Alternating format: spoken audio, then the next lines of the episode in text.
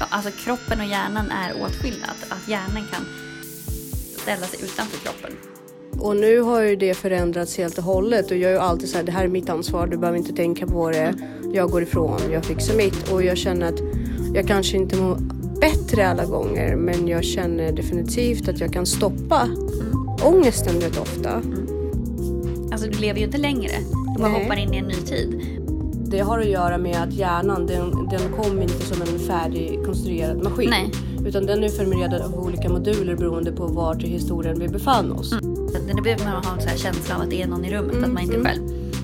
Och det är tydligen en del i hjärnan som aktiveras då. Så att det här kan man manipulera fram. Så att om man drabbas av ett trauma så potentiellt har man lättare att utveckla alkoholism. Jag har en känsla av sammanhang och känner mer meningsfullhet och hanterbarhet och begriplighet så ökar ju sannolikheten för att, för att bli lycklig. Det är ändå 140 miljoner personer i världen eh, Ja. som är alkoholister och det är den femte vanligaste döds dödsorsaken. Fine, hellre as än labila typer.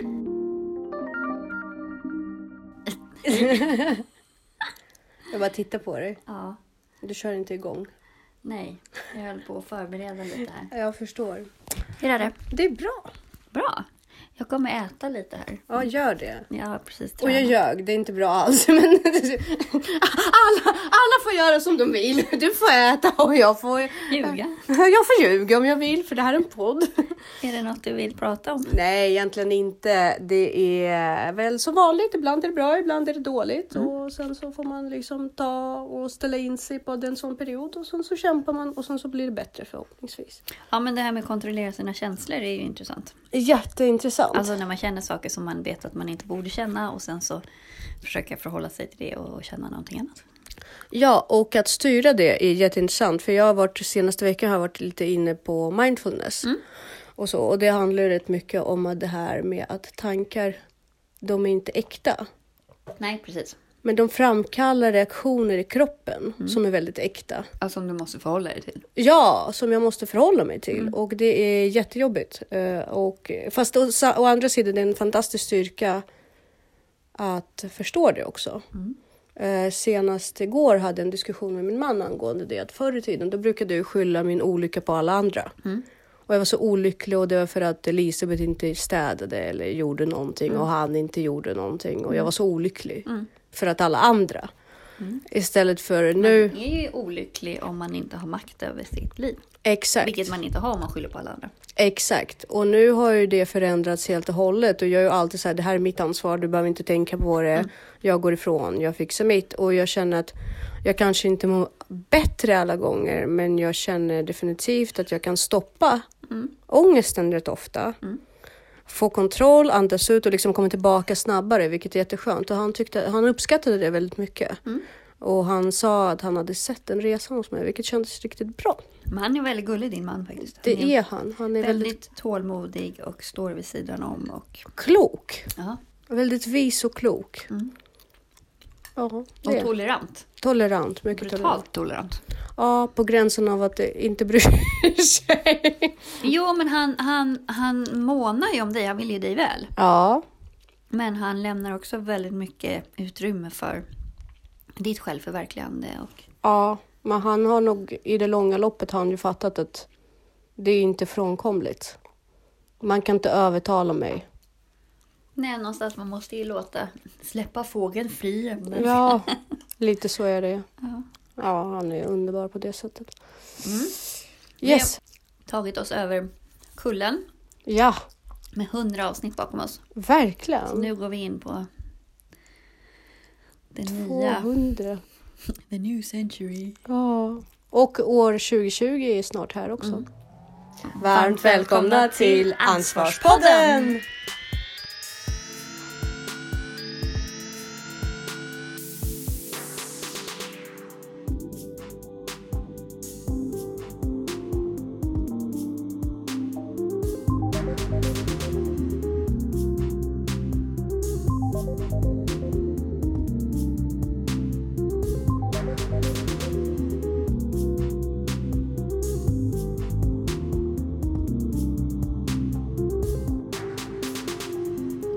Vi kommer nog ha lite spridda skurar idag.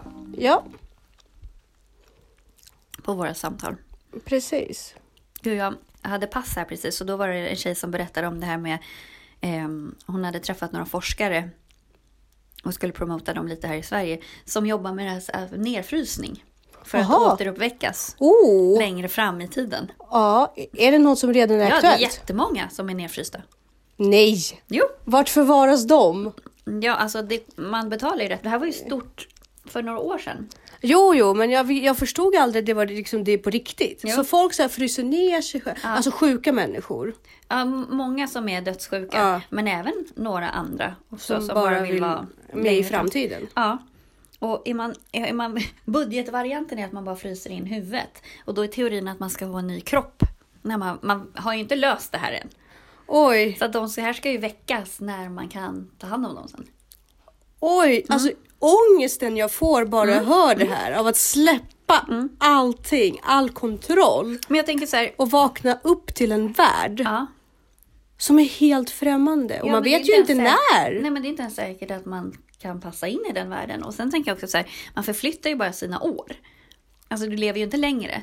Du bara Nej. hoppar in i en ny tid. Och där har man inga relationer eller varför vill... Jag för, ja, Nej, jag vet inte. Jag, det, finns ju det nog, en nyfikenhet eller? det finns nog ingenting som skulle kunna få mig att göra det. Och för sig säger jag aldrig aldrig. Nej men jag tänker så här. Det, det är väl om man håller på att dö då kanske. Ja. Men Jo, fast vad, vad tjänar man på det om man vaknar upp och ens familj ändå är borta? ja. Förmodligen. Mm. Och jag vet, nu är det här jättedyrt. Mm. Så förmodligen har man ju inga pengar när man vaknar heller. Ja men det, där, det finns försäkringar. Jag tror det finns för svenska försäkringsbolag också som täcker det här. Jättekonstigt. Mm. Så surrealistiskt. Vad känner du inför det? Nej, det var mest bara kul att och skämta om, eller liksom spekulera om sådär. Så en av forskarna hade fryst ner sin fru. Ja. Hon var ju tydligen sjuk då, dödssjuk. Men ändå bara, men snälla, måste jag frysas ner? Bara, ja, och så bara trycker, handen bara trycker ner en så här kryokamera. Ja. Men det är ju spännande Ja. med forskning. Jag läste också en, en jätteintressant, rolig ehm, artikel om det här Arce-experimentet. Att det finns vissa, en del i hjärnan som gör att vi uppfattar skuggan av oss själva. Alltså det behöver man ha en så här känsla av att det är någon i rummet, att man inte är själv. Och det är tydligen en del i hjärnan som aktiveras då. Så att det här kan man manipulera fram. ja, ja, ja.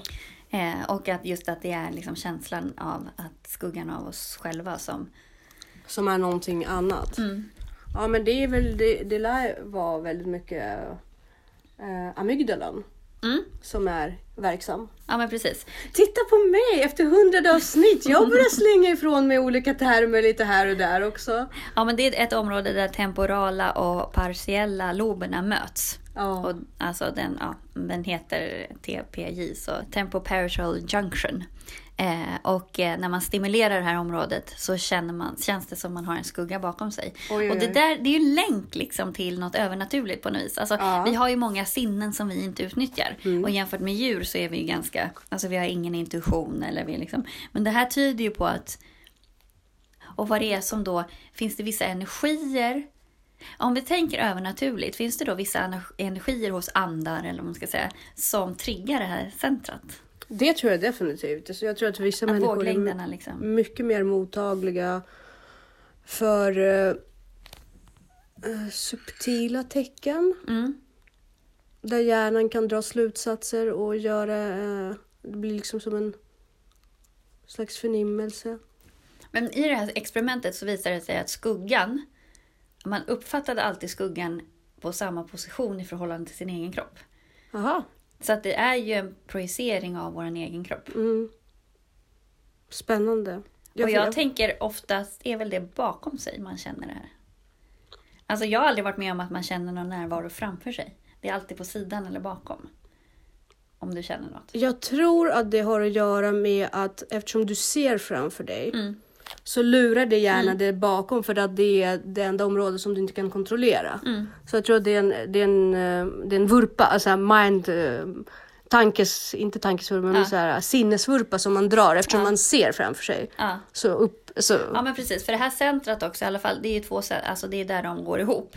Och det här partiella loben, den har ju anknytning till kroppens funktioner för eh, somatiska och motorisk eh, kartläggning, eller somat, somatosensorisk. Eh, och den här temporala loben är associerad med bearbetning av språk och skapa förbindelser. Eh, med alltså så här känslomässig bearbetning. Så Ja. att när, när motorik och känsla på något vis går ihop så får man den här känslan. Det- och den bearbetar ju mentala bilder av sig själv, alltså sin självuppfattning. Visuellt och rumsligt perspektiv och placering. Och skillnad mellan jaget och andra. mm, Eh, och eh, det vestibulära systemet och multisensoriska assimileringen.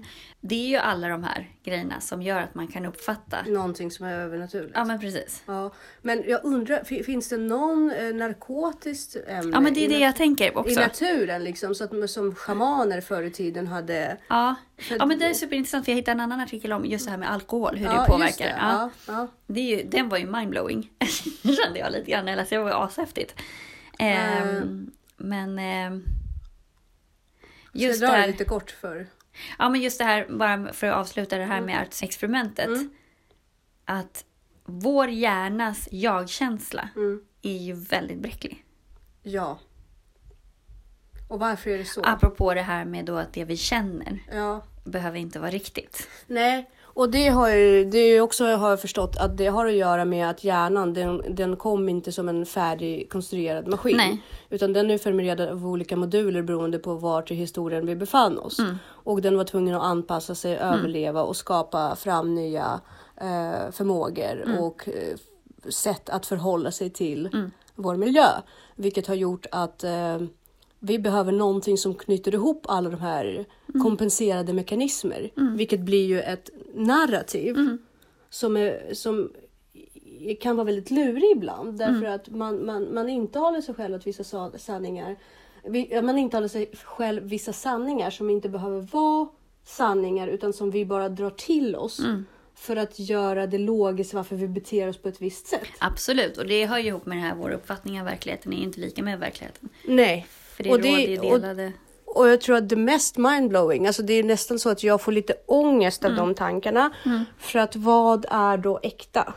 Man hade gjort eh, experiment på, eller ja precis, på, på uh, split brain patienter. Ja. Mm. Kommer du ihåg Ja, den? Och eh, att Det här man- att, att, och att, att man delar gärna, man de, skärmar, eller liksom Man- skär man- av man skär av kopplingen. kopplingen. Så att, eh, där språk och visuellt delas. Precis. Så jag kan se en sak men då kan jag inte säga vad det är. Men sen kan jag säga vad det är men jag kan inte skapa en bild. Ja men framförallt så visade de film bara för ett öga. Ja, precis. Den, det ögat som inte kan, eh, för, alltså den som är känslomässig. Mm. Det, eh, nu kommer jag inte ihåg, vi- nu tror jag, att- till vänstra hjärn, Mm. hjärnhalvan. Som man hade, de visade för högra ögat Mm. eller hur det nu är. Och sen så kunde man ju, det kunde inte tolka men det kunde känna känslor. Så- Mm, Och sen och sa man det. Nej, och sen, och sen frågade man varför, vissa, varför patienten upplever oro, för man visade Mm. Ja. ganska Ja, oroväckande precis. klipp. Sådär. Och då hittade hjärnan på en historia för att knip, knyta an de här känslorna. Mm. Så den började fabricera om att så här, men du och jag har en konflikt, eller jag har Mm. Ja. Mm. märkt av att du inte tycker om mig och du får mig att känna mig oro. Så att hjärnan fabricerade ett helt narrativ för Ja. att förklara den här oron. Ja. Så det är ju väldigt fantastiskt hur vi kan verkligen hitta på. Och då, då går diskussionen över till schizofrena Ja, patienter som inte alls blir lika... Men det här, det här, Konstiga. det här är eh, Simon Köga va, som Ja, har berättat om den här ja. patienten som Precis. hade epilepsi och sen så skar man av. Precis, precis, Precis. Jätteintressant. Men det få- fångade mig för det knyter ihop till, så- Mm. väldigt mycket till, till... eh, Jag berättade ju förut också att jag tänkte på Alexander Bard när Mm. han pratar om att när vi inte fattar saker som händer i världen, Mm. då hittar hjärnan på egna förklaringar. Det är därför religion och övernaturlighet finns. Absolut. Och konspirationsteorier. Verkligen. För att jag märker ju väldigt många, till exempel f- människor som är uppväxta i Sovjet där ideologin var så stark. Alltså den penetrerade ju allt. Och det, det byggde verkligen eh, en trygghet för hjärnan och liksom ett system och folk visste exakt hur saker och ting var. I alla fall på papper. Eh, hur, hur staten funkade och sådär. Och de, de människor nu tror ofta Mm. på konspirationsteorier därför att de hänger inte med. Nej. Eh, Enligt min upplevelse. Nej, nej, så mycket av vad som händer och den, hur egentligen den fria marknaden fungerar. Mm. Och de känner sig ofta lurade och de tror att det är en maskopi. Alltså lite de vibbar får jag ofta Mm. av just post. Men det där är intressant, just det där att känna sig lurad. För det tänker jag i den här diskussionen, att det har ju någonting att göra med kontrollbehov. Och det har ju också det här när man inte kan förklara saker och för att få kontroll så försöker man förklara. Och då är det, en, då är det logiskt att någon försöker lura en. Det är en ganska primitiv och enkel förklaring. Ja, men man känner hot. Mm. Plus att då behöver inte jag ta något ansvar. Mm. Att man gör sig till ett offer. Precis. Ehm, men det, ja, och, men å andra sidan det här med eh, som med den här Artsy-experimentet. Så just de här, det som det visar är ju då att minsta lilla sådär strukturella eller elektriska eller funktionella förändringen kan ju leda till uppfattningsfel. Mm. Och det just det här att verkligheten är inte vad man tror att den är. Och sen så att, att med, som du sa med amygdala, eh, är ju liksom en del av det limbiska systemet. Eh, och då spelar ju nervsystemet en fundamental roll. Att bearbeta de här känslomässiga upplevelserna. Så att alla förändringar som orsakas av den här stimuleringen av den här, det här centrat, eller TPJ-centrat, eh, känns ju främmande för hjärnan, vilket är en anledning till att man då blir rädd. Mm. Eh, och känner obehag. Men, eh, och den här känslan av att vara utanför sin egen kropp och så är ju också relaterat till det här centrat. Och med hallucinationer till exempel. Alltså, Jättespännande. Ja, det är super, superspännande. Eh, men Men också eh, väldigt lättsamt. Men jag tänker att alla de här grejerna som man då upplever, eh, vanligaste upplevelser som man kan känna då när den här senso, sensoriska otydligheten, det gör man ju i drömmar. Och de vanligaste upplevelserna är ju att man flyger, flyter, att man är utanför sin kropp, att man har en extern närvaro, att man har väldigt klara tankar och så. Och allt det här gör man ju i drömmen. Så vårt övernatur, eller överjag måste ju på något sätt hålla det här i schack. Men om du då tar droger eller tar bort det här överjaget lite grann Ja. så kanske du har lättare att få kontakt. Och då tänker jag på det här med shamaner. Ja, men och jag precis. tänker på det här med medium och mottaglighet för att det, man kopplar bort då överjaget på något vis. Jag tänker väldigt ofta på sydamerikanska religioner i, i de här fallen och just indianer Ja, som ofta använde eh, bland annat eh, isdopp Mm. som fick en, eh, då fick de någon form av klarhets-epiphany nästan Mm, som övergångsrit och eh, även ayahuasca. mm. Men även också under fysisk ansträngning, så här Ja, utmattnings... ja, ja, precis. Och det gjorde de, eh, just det här med fysisk ansträngning. Det var ju bland annat, ja de hade ju väldigt eh, svåra eh, tonårsriter eh, när, när de fick eh, kämpa och slåss Mm, och rida och gå och liksom, och tills de kom fram till Ja. de här spirituella upplevelserna. Men även även i lumpen, vissa... Ja, ja, ja, men man har ju hört efter att, vad heter första, när de går den här marsch... Örnmarschen. Ja, ja, precis. Att många av dem så får Ja, hallucinationer. hallucinationer och Ja. upplevelser. Så det är spännande. Exakt. Jättespännande. Men och då blir man också- frälst. Ja, men alltså... Just det här med sömnförlamning till exempel. Har du upplevt det någon gång? Aldrig, För det kan man faktiskt. Mm. göra när man har tagit sömntabletter. Precis innan du somnar så är du ju medveten om att du kan inte röra dig. Nej, samtidigt som du inte har kan- somnat. Just, just det där har jag aldrig Nej, upplevt, för jag har aldrig haft. nej. Men det finns också situationer när den sensoriska bearbetningen kan störas på grund av andra skäl. Till exempel vid stress, sömnbrist och sensorisk brist. Så alltså uttråkning eller... Men det är otroligt att liksom vår hjärna har förmåga att känna igen vår egen kropp. Men att det är så skört. Alltså att, att hjärnan känner ju... Alltså kroppen och hjärnan är åtskilda. Att, att hjärnan kan ställa sig utanför kroppen på något vis. Men att det är så skört. Och det här med schizofreni som du pratade om också. Att, Och ehm, det här med eh, bristen på sensorisk stimulans, det har man ju också gjort studier där man har låst in, eller inte låst in, men Mm. stängt in patienter i ett helt mörkt rum. ja, Och det tog ju inte lång tid alls innan man började få hallucinationer för att man är så understimulerad. Och hjärnan har så svårt att förhålla Ja. sig till att inga intryck eller inga sinnen Nej. ger feedback. Nej. Så då började hjärnan stimulera fram de här. Ja. Det är intressant. Väldigt Precis. intressant ämne. Men det här också med hur alkohol och droger påverkar våran hjärna. Och just med vad är det som gör att en del blir alkoholister och, och så. Det är ändå 140 miljoner personer i världen eh, Ja. som är alkoholister och det är den femte vanligaste döds, dödsorsaken. Oj, femte vanligaste. Det är ganska fascinerande. Själv dricker inte jag någonting överhuvudtaget. Försöker undvika så gott jag kan. Men, men för mig har ju, äh, framkallar ju ånge, äh, alkohol ångest.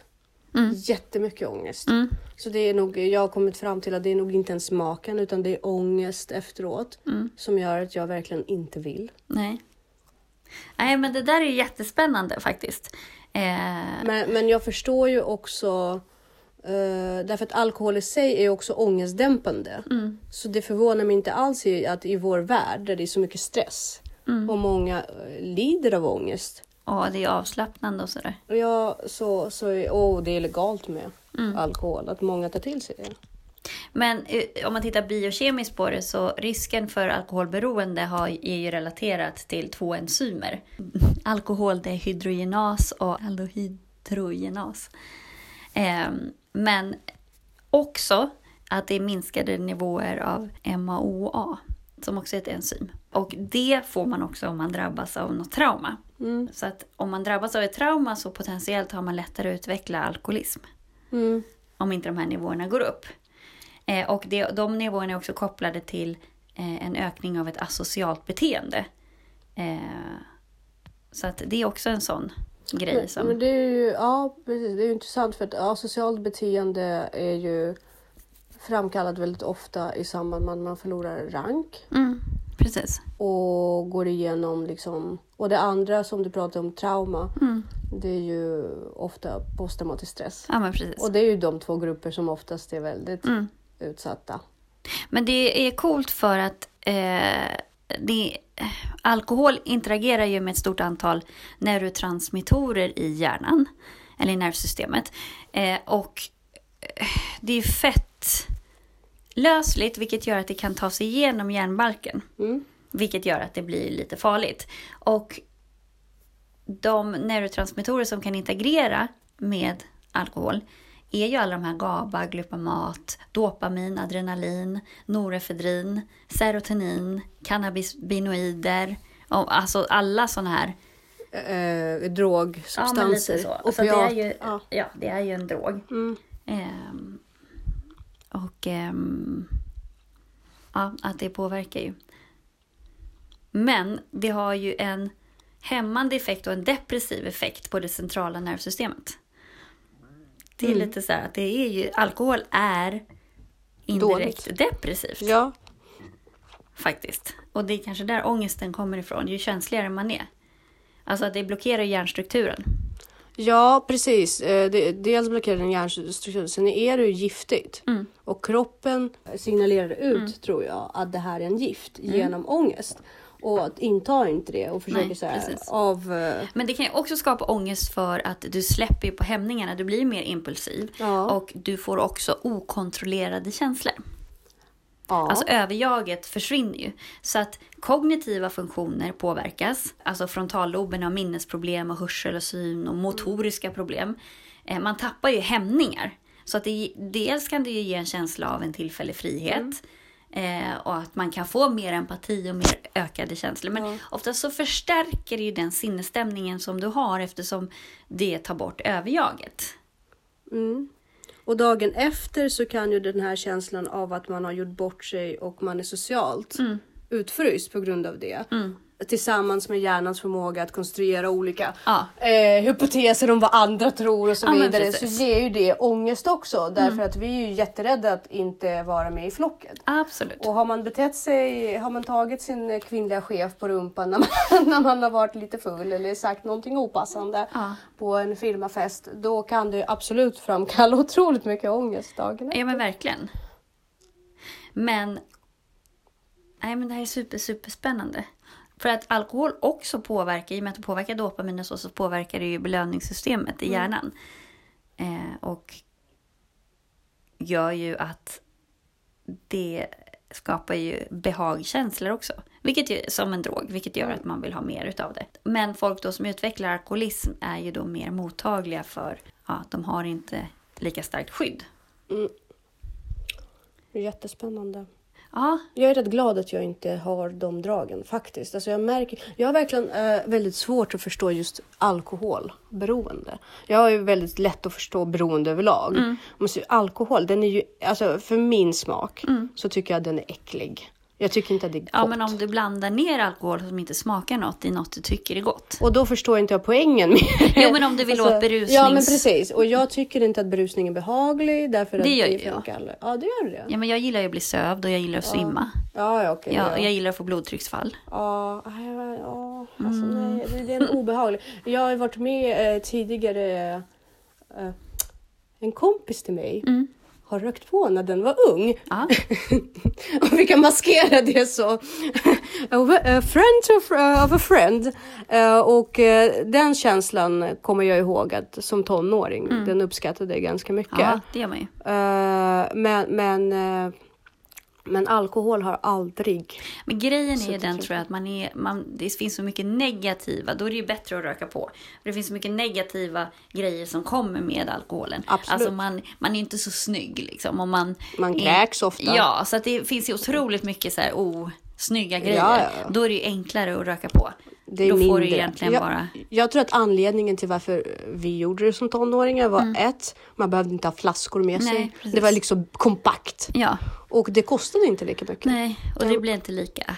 Ja, Nej, det, blev, det, det hade inte så jobbiga konsekvenser heller faktiskt. precis. Än som alkohol.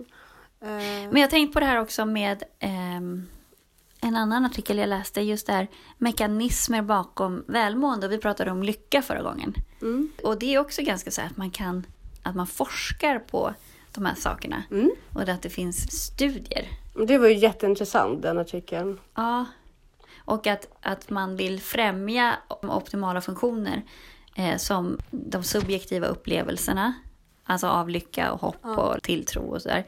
Eh, och sen förstärka positiva drag som empati och förlåtelse och vishet. Lite, lite mer att man är, är genomtänkt eller vad man ska säga.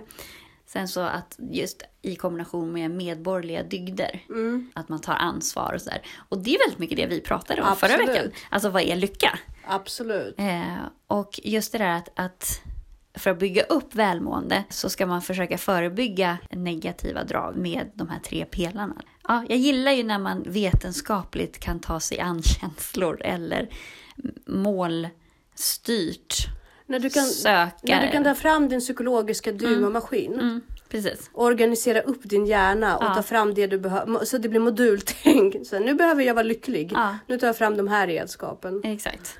Eh, ja, men det, det gjorde mig ju lite ledsen, artikeln om spö, hjärnspöken. Att, att eh, även sånt går ju nu. Och förklara. Och förklara. Det är för att ja, övernaturliga har ju en ganska nära, Mm. intim relation. Men jag tänker på det där med lycka också. och Just det här med att, eh, för vi kollade ju lite grann på så här, vad har lyckliga personer gemensamt, vad gör de?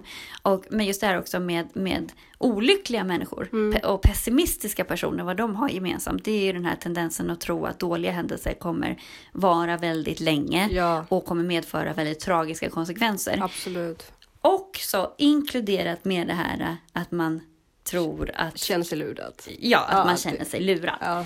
Eh, och att man inte kan lita på andra Mm. människor. Eh, och det är väldigt, så att det är ju bara ett känsloläge du bestämmer dig för att ha. Man är inte Ja. pessimistisk, man har bestämt sig för att vara det. Ja, Eh. och jag tror att väldigt mycket grunden till det är ju väldigt eh, det du tog upp. Mm. Det är att även om du behöver genomgå saker som du inte tycker är optimalt. Mm. Då måste du förhålla dig till det som ett val. Precis. Att du Och ta har, ansvar. Ja precis, och ta ansvar. Och jag tror att eh, om man inte gör det så blir man bitter och blir man bitter Mm. då är ju de här. Då, då känner man sig missgynnad, då känner Mm. man sig missgynnad då går man ju rakt in i de Ja. här eh, beskrivningarna liksom. Mm. Du bestämmer ju alltid Ja. För vad du gör. Ja, och sen så, som du sa också, så här, det, man drabbas inte eller liksom, folk har det inte bättre. Folk har gjort det bättre. Folk har Exakt. prioriterat annorlunda, folk har varit målmedvetna. Eh, pessimister ignorerar ju ofta att det finns många interna omständigheter Mm. som de faktiskt har kontroll över, men som de väljer att inte. Alltså, saker och ting händer inte av en slump. Saker och ting händer för att man har flyttat sina schackpjäser i, på ett visst sätt Precis. tidigare. Eh, och det är ju faktiskt... Och där går Själv- vi tillbaka till där som den här artikeln lite börjar med, det är att man ska inte jämföra sig med andra. Nej, Man precis. ska aldrig jämföra Nej. sig med andra, bara med sig själv. Ja, för att... För att när du börjar jämföra dig med andra, då börjar din hjärna igen skapa det här narrativet. Du hittar på historien Ja. om de här människor, hur lätt de har haft det för sig. Ja, och svårt- varför du inte kan varför, precis. i förhållande till dem För istället du för att bara har se... ju ingen aning. Alltså det finns så sjukt mycket flitiga människor. Mm.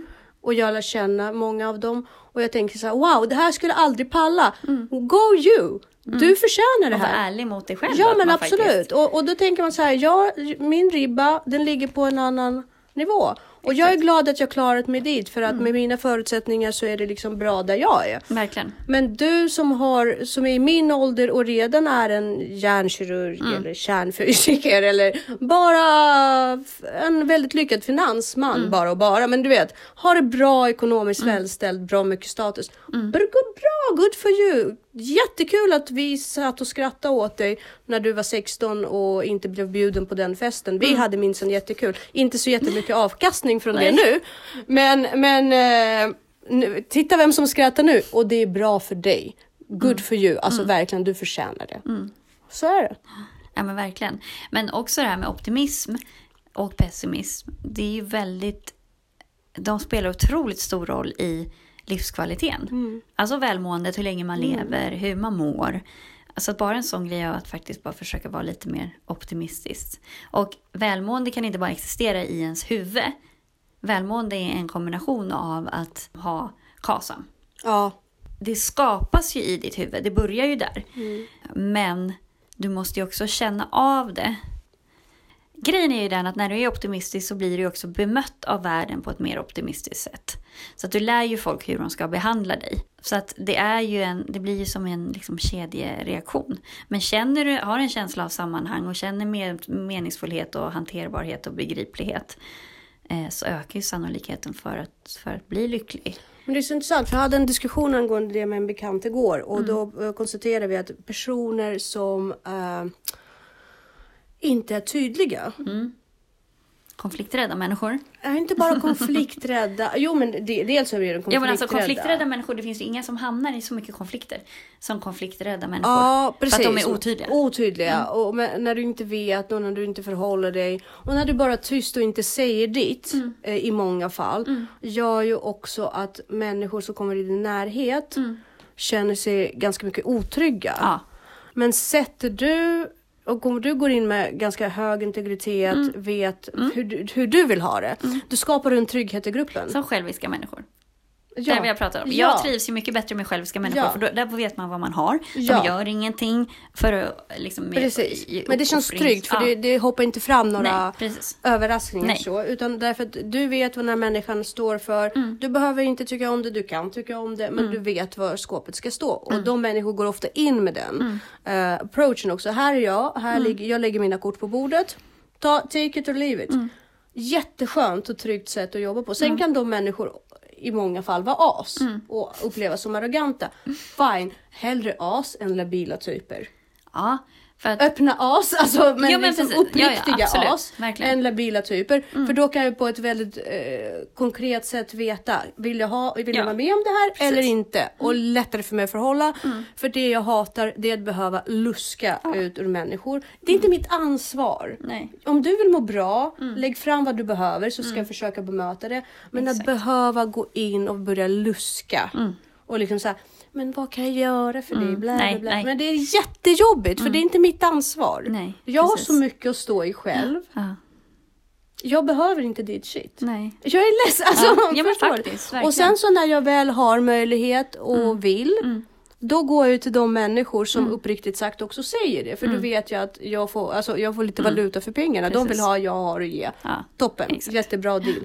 Men jag, jag satsar inte på maybe-projekt. Nej, Alltså, nej. Faktiskt, det är inte så.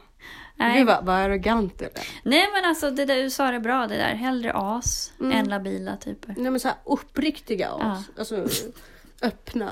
Ja, har du något annat så spännande du vill bolla? Ja, jag eh, har ju som sagt börjat bolla med det här med mindfulness. Mm. Därför att jag vill gärna börja mer kontrollera min tankeskarta. Ja. och mitt narrativ. Mm. Jag tror att jag, det är med liksom 2020-projekt, hoppas jag. Mm. Jag ska i alla fall börja försöka. Och där märkte jag på en gång att jag började lyssna på många mindfulness-poddar. Eller jag försökte. Mm. Det är svårt med mindfulness. Alltså, Ja! Man måste hitta sitt, jag har tänkt så här, man måste hitta sitt eget förhållningssätt. För jag tänker så här, det är ju väldigt mycket mindfulness för mig när jag är ute och springer. Ja, absolut. Men meditation, Nej, men det är inte bara det. Har du lyssnat på poddarna? vilka av dem? Några som helst? Nej, Nej. Vet du varför du inte har det? Därför att de pratar väldigt långsamt ja. väldigt Men man kan sprida upp, man kan sätta på dubbel långsamt. hastighet. Men då, kan, då koncentrerar mig bara på att det låter roligt och då kan inte ta Ja men det är som, det är som här avslappningsband. Ja, men alltså. Knyt. Nej. Och jag får krypningar i Ja, kroppen. ja. Så att, eh, jag, jag kan förstå om folk inte kan stå ut med mig. Ja. Ja men det är det man måste tänka och just det här med att skapa rappa på och liksom, Mm. eh, kopplingar. Så när du, om, du prat, om du ska kommunicera med en långsam person då måste du vara långsam. Ja. För att du skapar ju panik hos den personen om du bubblar på Ja. i ditt samtidigt som man får speeda upp lite när man pratar med en snabbare person. Ja, jo, men jag tycker att man... men var- alltså, det, där jag hamnar är så här, måste all... Jag alltid anpassa mig, vilket det blir ju så. Fast det är social kompetens. Jag vet, det är ju bra. Mm. Men, men det är ju ganska...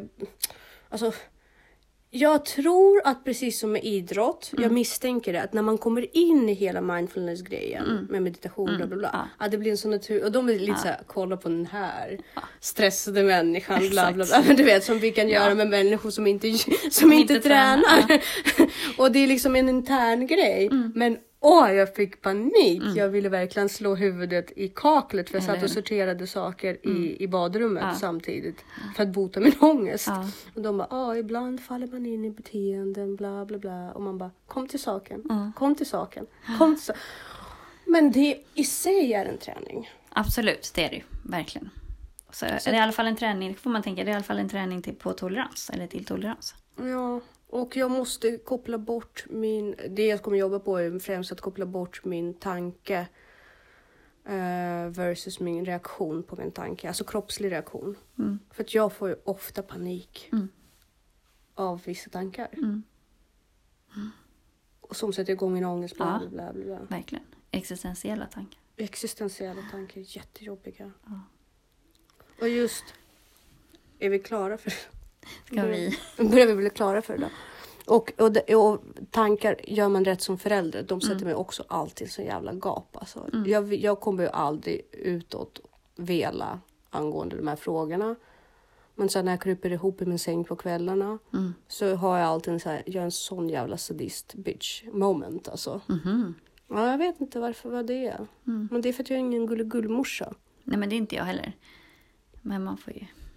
Ja, jag vet inte. Så att, där. Vad tar du med dig till 2020? Oj. Det kan vi prata om nästa gång. Ah. Vår bucket list för 2020 Ja. och varför. Ja, det tycker jag att vi gör. Mm. Hur, hur lång ska den vara? Vi får avgöra själva. Ja, precis. Nice. Ja, Kul! bra. Toppen. Vi säger tack och hej. Från Ansvarspodden. Ja.